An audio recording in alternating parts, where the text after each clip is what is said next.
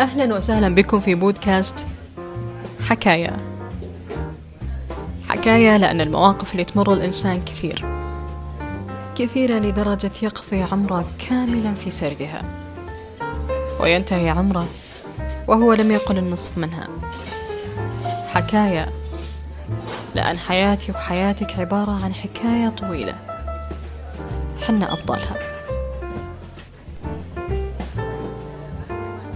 موضوع الحلقة من أنت لولا الذكريات السعيدة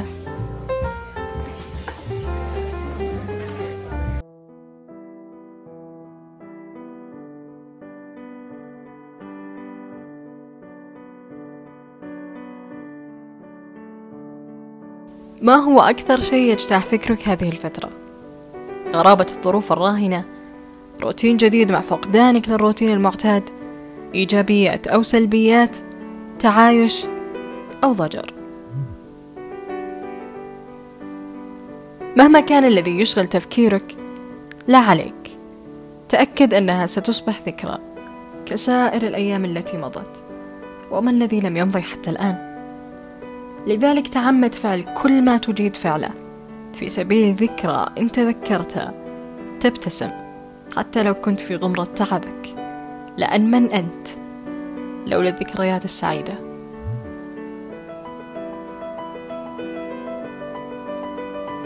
عيد.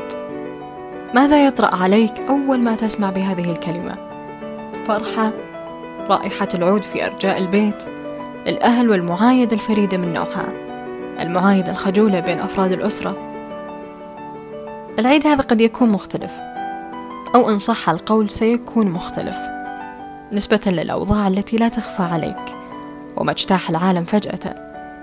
لكن لحسن الحظ عندنا قدرة نصنع من اللحظات الميتة ملايين اللحظات السعيدة ونعيشها بكل ما آتانا الله من شغف وحب وتقديس لهذه الشعائر العظيمة. الشؤم في الكلام والتفكير أعتقد أنها إحدى أعظم معيقات السعادة. وليست معيق لسعادة صاحب الشؤم فقط بل كل من يصاحبه ويجاوره. أو صناعة البهجة لا تظن أنها تأتي بالكثير من التكلف. لا بل لو عدت بالذاكرة للوراء لوجدت أن أكثر لحظاتك السعيدة كانت في جلسة بسيطة مع ناس رائعين أو في مكان بسيط أو حتى في هدايا ليست بذات غلاء بل كان مهديها هو الأغنى. يقول ديل كارنجي السعادة لا تعتمد على من أنت أو ماذا تمتلك. السعادة تعتمد على ما تظنه أنت. لذا تفكر في عدد النعم التي تمتلكها الآن وكم أنك محظوظ جدا. العائلة البيت الأمان والكثير من النعم التي لا تحصيها. افرح والبس أحلى الملابس في خزانتك. تعامل مع هذا العيد الاستثنائي كباقي الأعياد التي مضت. أستقبله بنفس الحفاوة لأن أنا وأنت والكرة الأرضية كاملة بحاجة لتجديد الفرحة. حتى لو كان هذا التجديد ليس في وقت مناسب. لكن هذه المرة وهذا الوقت يدعيك لتفرح به. فاستجب له. بيتك أدفأ مكان تنتظر العودة إليه في أيامك الشاقة. الآن أنت فيه لتدخل السرور على قلبه. قلبه الذي يوجد به أنت ومن تحب. فهل تظن أن في أروع من هذا المكان لتسعد به؟ الأيام الفائتة أعطتك فرصة في أن تبحث عن نفسك في طياتها وتكتشفها وأعطتك الوقت الكامل لترتاح به. لكن بعد أيام ستعطيك أيام سعيدة. فأعرف كيف تستغلها أنا أعرف مدى الفراغ والملل الذي قضيناه وأعرف مدى الضيق الذي شعرنا به وأعرف كم اليأس الذي اجتاح هذا القلب فجأة دون أن يفسح مجالا للأمل كل هذا مررنا فيه وأعلم أن البعض مر بما هو أكثر من ذلك لكن لو أعطينا هذه المشاعر السلبية كل وقتنا ماذا سيبقى؟ متى سنعيش؟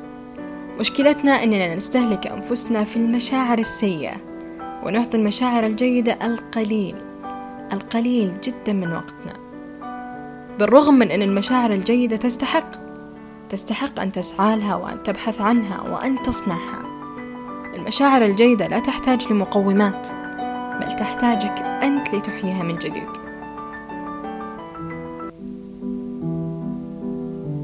العيد كان ولا زال مرتبط بالسعادة.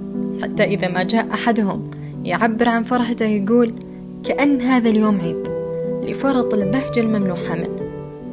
طبيعة البني آدم يحن حتى للأيام العادية التي تحمل القليل من الطمأنينة أو يحن للاجتماع الذي كان فيها. فافعل كل ما تستطيع فعله لتجعل لنفسك ذكريات سعيدة.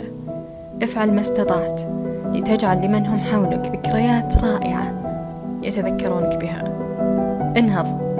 وانفض عن قلبك ما يتعبه. واعطي الفرح ما يستحق. لأنك تستحق.